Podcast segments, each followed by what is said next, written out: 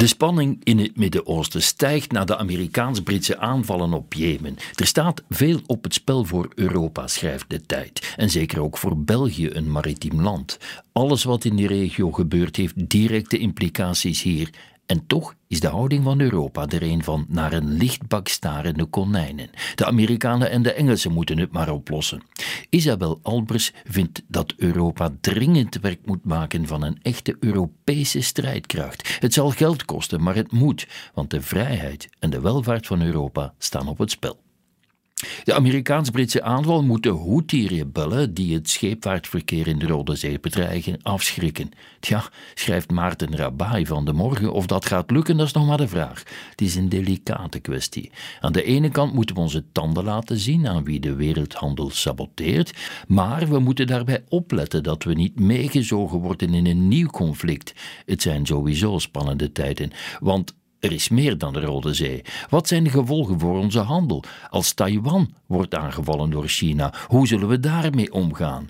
Mogelijk komen er dan helemaal geen containerschepen meer uit Azië gevaren. Zelfs de Houthi-rebellen zijn dan werkloos. De campagne voor de Amerikaanse presidentsverkiezingen is definitief gestart. Daarover gaat het in het belang van Limburg. President Biden kiest voor de frontale aanval op Donald Trump, die hij een gevaar voor de democratie noemt. Trump reageerde door een stotterende president te imiteren. Van op afstand kunnen we alleen maar denken: is dit het niveau van de verkiezingscampagne in het machtigste land ter wereld?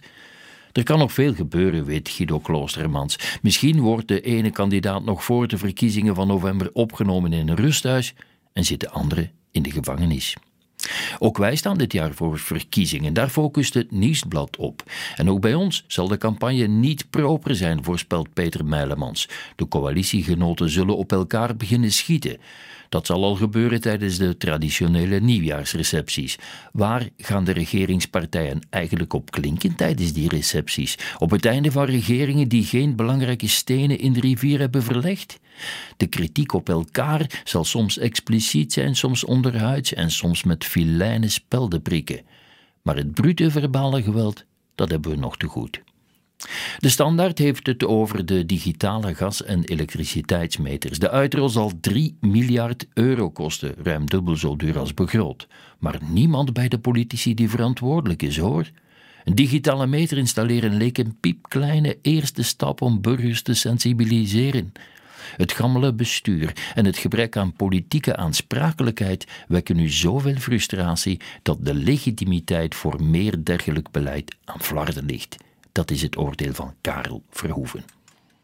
Het Belang van Limburg komt nog eens terug op het hervormingsplan van de lijn. De maatschappij vraagt nu 300 miljoen extra aan de Vlaamse regering. Maar misschien moeten we met z'n allen ook eens in de spiegel durven kijken. Verwachten we soms niet onredelijk veel, vraagt Yves Lambrik zich af. Elke Vlaming een halte op 750 meter van zijn deur, dat is gewoon onrealistisch. De voordelen van het platteland, rust, groen willen combineren met die van een stad, bussen, winkels en bankautomaten, dat is ook onrealistisch. Het aantal cafés in Antwerpen daalt fors, dat blijkt uit een onderzoek van Gazet van Antwerpen. Het sociale weefsel verschraalt.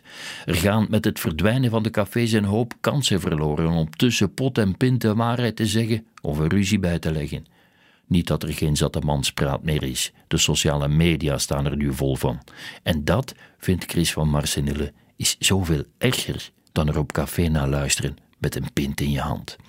Dat was het, het overzicht van de krantencommentaren op deze zaterdag 13 januari.